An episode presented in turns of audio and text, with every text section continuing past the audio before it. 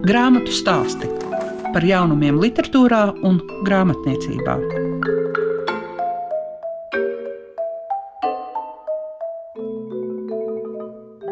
Esiet sveicināti visi tie, kas klausās klasiku un šī brīdī arī grāmatu stāstus. Labdien, jums saka Liega Piešiņa, un šīs dienas raidījumā jūs varēsiet dzirdēt tulkotāju Denu Dimiņu. Viņš stāstīs par diviem no saviem jaunākajiem tulkojumiem, un tas ir Mišela Velbeka serotonīns un Ismaila Kadares mirušo armijas ģenerālis. Un jāsaka, ka šīs grāmatas ļauj franču un albāņu rakstnieku acīm palūkoties uz bailēm un karu. Un vēl arī dzirdēsiet Juhani Pitsepu. Tas ir Igaunu rakstnieks, kura grāmata ir mēnesis zelta kuģis, iznākusi latviešu valodā. Un tā ir domāta visu pauģu lasītājiem, uzsveru liekot uz jaunāko. Grāmatu stāsti programmā Klasika. Denam Dimiņam, tulkotājam, kurš no dažādām valodām tulko un dažādu literatūru, es Den gribēju pajautāt par to, kā tajā, ko jūs tulkojat, cik dažādi parādās attieksme gan pret karu, gan pret jēdzienu bailes. Nu, šīs ir liels jautājums. Man, protams, uzreiz prātā nāk, ka nesenākais tulkojums, kas ir iznācis Tas ir Ismaila Kadares mirušo armijas ģenerālis. Romāns ir veltīts kara tēmai, un šai brīdī tas ir īpaši aktuāli. Varētu teikt, ka ir trāpīts desmitniekā ar šo pacifismu, ar vēstījumu, kas ir šajā romānā, manuprāt, ielikts. Un bailes, jā, nu, bailes ir cilvēkos, manuprāt, dažādos līmeņos un dažādos veidos. Un kara laikā vienmēr aktualizējas bailes no iznīcības, bailes no šausmām, no neizprotamā, neapturamā. Un tieši šajā Ismaila Kadaras romānā to var just īpaši skaidri. Es nezinu, vai man ir vērts daudz stāstīt par sižetu. Es negribu sabojāt lasītājiem prieku, atklāt šo grāmatu, bet sižetu varētu tādās lielās līnijās atklāt, ka tur ir runa par ģenerāli, kurš aizbrauc uz nezināmu zemi, kas vēlāk izrādās Albānija tur savākt savas armijas kritušo karavīru mirstīgās atliekas. Tā, tas ir tas pamat uzstādījums. Un, um, brīdī, kad viņš dodas dziļākā iekšzemē, kad viņš nonāk Albānijas tādos, varētu teikt, kā dziļajā Albānijā, tālos laukos, tālos kalnos, viņš atklāja, ka tā viņa misija nemaz nav tik cēla un ka aiz katra šī atvērtā kapa iznāk gaismā nogalinātie albāņi, kritušie dēli, kritušie vīri brāļi, visas šīs kara traumas. Savā ziņā tas arī ir trauma romāns. Un tas palīdz kaut kā pārvarēt šīs traumas. Bet Denvai nav tā kā drusku bail, ka, lai gan tā grāmata ir iznākusi īstajā laikā, ka tagad arī cilvēki saka, es par karu negribu lasīt. Es nezinu, grūti ir pateikt, jo tas romāns jau nav tikai par kāru. Tur ir iešifrētas dažādas lietas, tur ir tradīcijas, tur ir mīlestības līnija, tur ir svešais. Manuprāt, romāns aicina mūs domāt par lietām, un tie cilvēki, kas negrib lasīt par karu, viņi vienkārši ignorē šo situāciju, kas, varētu teikt, vienas dienas brauciena attālumā mums šobrīd tiek šauti, slepkavoti civili iedzīvotāji, tiek bombardētas pilsētas. Kā mēs varam izlikties, ka tas mums neatiecas? Kas ir varbūt arī tas, ko lasītājiem vajadzētu ņemt vērā, palūkojoties uz jūsu jaunākajiem tulkojumiem? Nu, jūs domājat šo ģenerāli un arī Velbeka serotonīnu. Un tie ir ļoti atšķirīgi darbi. Es domāju, ka ģenerālis noteikti šobrīd izvirzās priekšplānā ar to, ka viņš atklāja mums šo pasaules trauslumu, arī to, ka mēs esam ļoti vāji savā paļāvībā uz to, ka būtībā Dievs ir ienesis pasaulē mieru visā, kas ir uz zemes un debesīs, kā jau teikt, svētajos rakstos, bet šo patiesību mēs kā aizmirstam. Un arī Albānijas vēsturē un tradīcijās mēs redzam paļaušanos uz fizisku spēku, uz vardarbību. Tur ir šī asins atriebība, šis mistiskais goda jēdziens, kas tiek piesaukts vietā, nevietā, un ar goda lozungu uz lūpām tu vari doties un slepkavot, un tev par to nekas nebūs, jo tā paredz kanona tiesības. Velbeka Darbs serotonīns savukārt ir par individu stāvokli mūsdienās, par laimes meklējumiem. Serotonīns taču ir laimes hormons, ko var arī sintēzēt mākslīgi, un ko galvenais varonis, kā teikt, uzņem tabletīšu veidā. Un tas ir tipisks Velbeka romāns. No vienas puses viņš ir ironisks, smieklīgs, no otras puses viņš ir dziļi traģisks, jo šis varonis ir un paliek viens. Un Viņš netiek galā ne ar savu novecošanu, ne ar vientulību, nespēja arī kaut kā funkcionēt, nespēja aizmirst pagātni. Manuprāt, tas ir darbs, kas ļauj ieskatīties cilvēku dvēselē. Kā ir ar to Velbeku? Viņam ir gandrīz viss latviešu iztulkots. Nav tulkots pirmais Velbeka romāns, kas ir par tādu diezgan autistisku programmētāju, saucas kaujas vai cīņas lauka paplašināšana, extension du domaine de, de lutte un nav tulkots viņa tikko iznākušais pēdējais romāns, kas ir visbiezākais šobrīd Velbeka romāns, vairāk nekā 700 lapušu.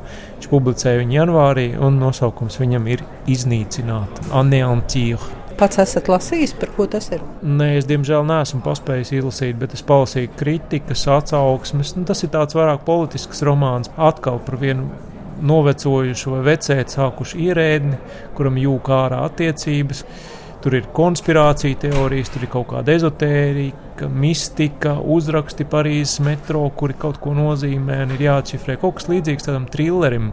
Būtu interesanti izlasīt. Es noteikti ar sajūsmu, nē, es negribu teikt ar sajūsmu. Es viņu vienkārši pienākumu spiests izlasīšu. Jo, ja es tulkoju visus Velbeka romānus līdz šim, tad man vajag izlasīt arī jaunāko. Bet es nesolu, kas viņu tulkošu. Romāns Anē un Tīrs zināmā mērā ir arī spiegu romāns, kurā lielu lomu spēlē politika. Un vēl es nepateicu, ka diezgan skarbas kritikas atsauksmes viņa sauc par visgarlaicīgāko šā brīža Velbeka romānu. Būs tiešām jāskatās, kāds viņš īsti ir. Vai viņš būtu tāds, kas varētu arī interesēt latviešu lasītājus, vai varbūt rakstnieks, ir mazliet no dzīves pagurs un sevi izsmēlis. Tā jau arī gadās. Pie Dena Dimiņa sacītā es vēl gribētu piedāvāt jums viedokli par Ismaila Kadares mirušo armijas ģenerālis grāmatu. Uzklausīsim, ko saka Vanda. Ismails Kadare, albāņu rakstnieks, mirušo armijas ģenerālis. Uzrunāja paņemt lasīt, apakšā no albāņu valodas tulkojas Dens Dimiņš. Nu, Dena Dimiņa dēļ es arī ņēmu lasīt, sapratu, ka tai jābūt labai. Grāmata ļoti labi uzrakstīta, tēlaina. Stāsts ir par pēckara periodu, kad bijušās okupācijas okupantu valsts, te netiek minēts, viņa tā diezgan politkorekta, kura tā ir valsts ģenerālis kopā ar priesteri. Viņam ir misija ierasties Albānijā un pārvest dzimtenē Albānijā kritušo karavīru atliekas. Viņiem ir plāni, viņiem viss ir dokumentēts, kur kurš varētu būt, kur šie kapi. Un viņi sākumā tā kā īsā misija, un pēc tam ir garāka, un viņi ierodas Albānijā. Un es domāju, viss, kas ir bijuši Albānijā, arī tādēļ vien ir vērts izlasīt, lai gan te jūta, ka ļoti šo autors vīrietis, te ir tāds arī starp šo tādu ļoti vīrišķīgu, varbūt tēlaino aprakstu ir arī sarkasms tāds, vismaz es to sajūtu, sarkasmu ar ironiju nedaudz, un ir divas puses, šie okupanti, kuri ierodas pašlaik ar šo svētās misijas apziņu, un kā nu tad tie vietējie jutīsies ļoti vainīgi, ka viņi viņu zaldātus, viņu dēlus ir nogalinājuši, apšāvuši. Un tad ir šī īstenība, kā tas ir, kā viņi ar to tiek galā, gan tas priesteris, gan tas ģenerālis, vai netiek galā. Un uz šī fona mēs izlasām arī albāņu tautas vēsturi un arī šo sadzīvi, kultūra vēsturi. Tā kā grāmata ir ļoti iesakāma, vienīgais, nu jā, es viņu iesāku pirms Ziemassvētkiem un noliku malā, tā nebija Ziemassvētku grāmata nekādā ziņā grāmatu stāsti tiem, kam grāmatu lasīšana ir vērtība. Rīgā bija ieradies Juhanī Pitseps. Viņa grāmata ir mēnesis zelta kuģis. Igaunijā ir ieguvusi gana lielu slavu, saņēmusi gan rozīni, gan arī atziņu par to, ka tā ir labākā grāmata par vēsturi 2021. gadā. Grāmata stāsta par 44. gada bēgļu gaitām mazas meitenes acīm. Un tāpēc es arī autoram vēlējos pajautāt, ar kādām acīm viņš uz dzīvi lūkojas. Un jāsaka, ka viņu latvisko Marika muzikante, šīs grāmatas tulkotāja. mulle endale tundub, et, et ma ei ole hästi suutnud enda lapsepõlvest väljuda. es uzskatu, ka es savā dzīvē tā arī neesmu pametis bērnību. Jo pieaugušo pasaule man liekas pārāk strauja ar dažādām asām svārstībām pilna. Un es tā arī gribētu dzīvot bērnībā, apmēram 7. un 8. klasē, ar visiem bērnu sapņiem, un es to bērnības pasauli tā arī neesmu pametis poiss oma unistustega. Šajā grāmatā Gundagai muzikantei ir fantastiska laiva ar šīm neaizmirstulītēm, kas rada to simbolisko jēgu. Bet kā ir, vai rakstnieks bērnībā ir pats taisījis koka laiviņas? Jā, ma olen teinud ja, ja just praegusel ajal märtsis oli see aeg, kui siis koolipoisid äh, Jā, es esmu taisījis šīs koka laiviņas Un tieši šajā gada laikā, martā, bērnībā mēs darījām tā, ka vai nu laidām tās pa ielas noteku, vai arī otra spēle bija tāda, ka mēs laidām Tartu, kur Juhanīte dzīvoja bērnībā, kur viņš ir dzimis, no tilta. Laiviņas ielaida vienā tilta pusē, pēc tam pārskrēja pāri un pie otras malas skatījās, kura pirmā izpeldēs, tiltam otrā pusē. Un e, arī vakar viņš ar savu meitu vietu, izveidoja izcirta ledu tādu kanālu, un arī viņi laida šīs koka laiviņas. Kā ir jārunā par vēsturi, jo tālāk notikums atkāpjas? Jo arī pirms pāris gadiem par līdzīgu tēmu stāstīja šīs Sibīrijas haiku, kas likās, nu, ka tā var runāt par vēsturi. Un galvenais bija tas, ka tie jaunie sāk lasīt. Kā autoram nonāca, ka viņam ir šāds tas stāsts, tāpēc ka viņš ir skolotājs? mul on tunne, et teatud inimese vanuses hakkab ta üha tähelepanelikumalt ikkagi. Zināmā vecumā cilvēks sāka domāt plašākā laika skalā. Kad tas laiks, kad sāk domāt par vectēvu, par vecvectēvu, tas patiesībā ir tas pats laiks, kurā tu tagad dzīvo.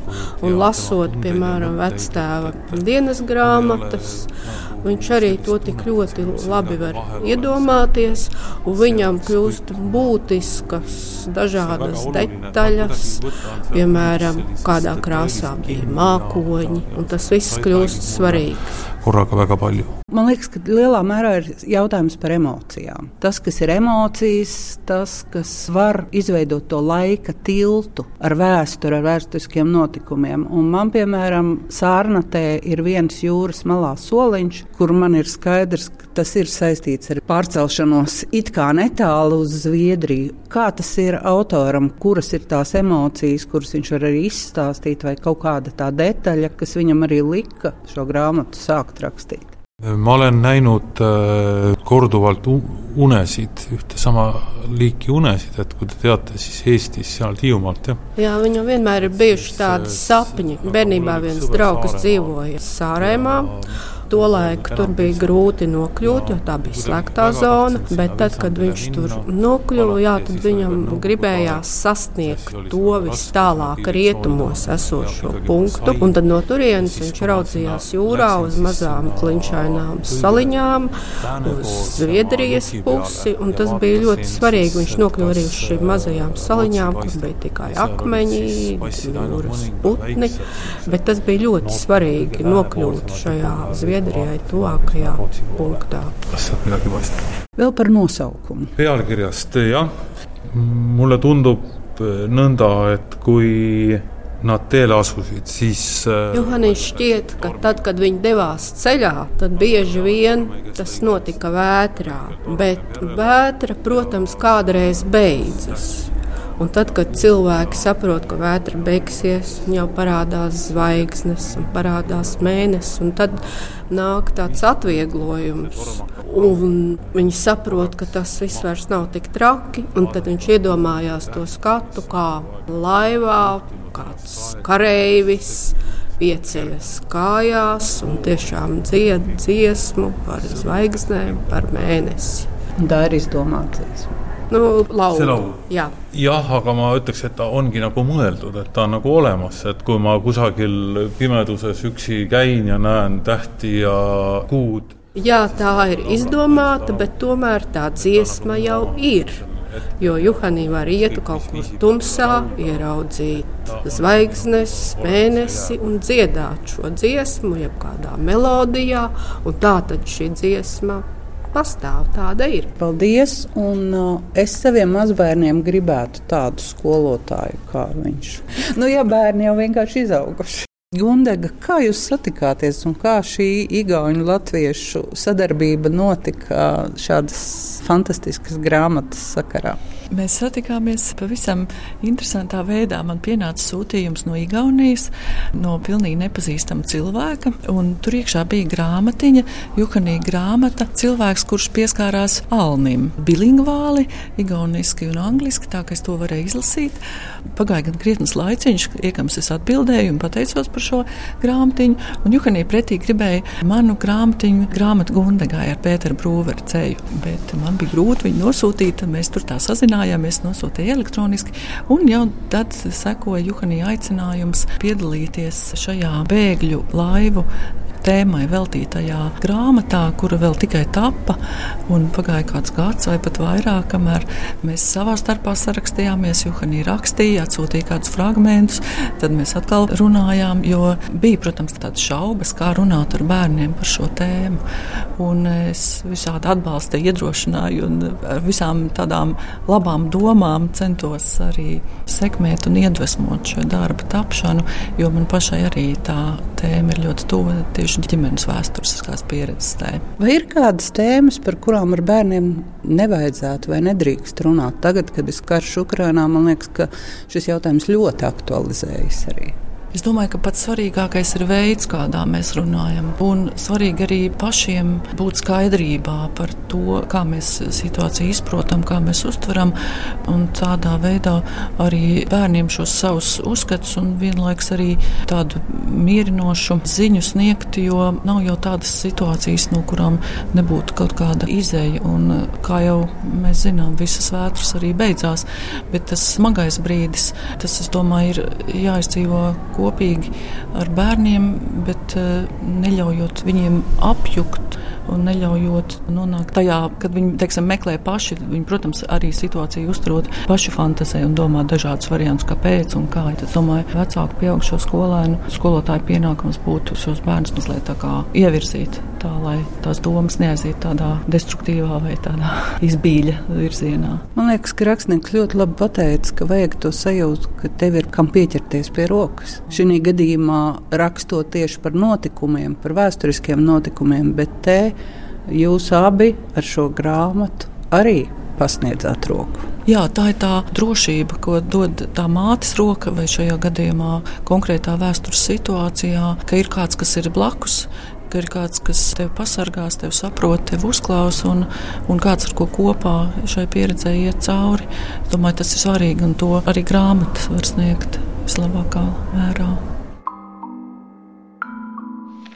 Grāmatu stāsti tiem, kam grāmatu lasīšana ir vērtība. Izskan grāmatu stāsti. Šīs dienas raidījumā dzirdējāt tulkotāju Denu Dimiņu. Viņš stāstīja par Mišela Velbeka serotonīnu un Ismaila Kadaras mirušo armijas ģenerāli, kā arī iepazinām Juhanī Pitsepa grāmatu Ir mēnesis zelta kuģis kuras fantastiskos zīmējumus veidojusi Gundega muzikante, bet tulkojusi Marika muzikante. Visu labu jums saka Liega Piešiņa.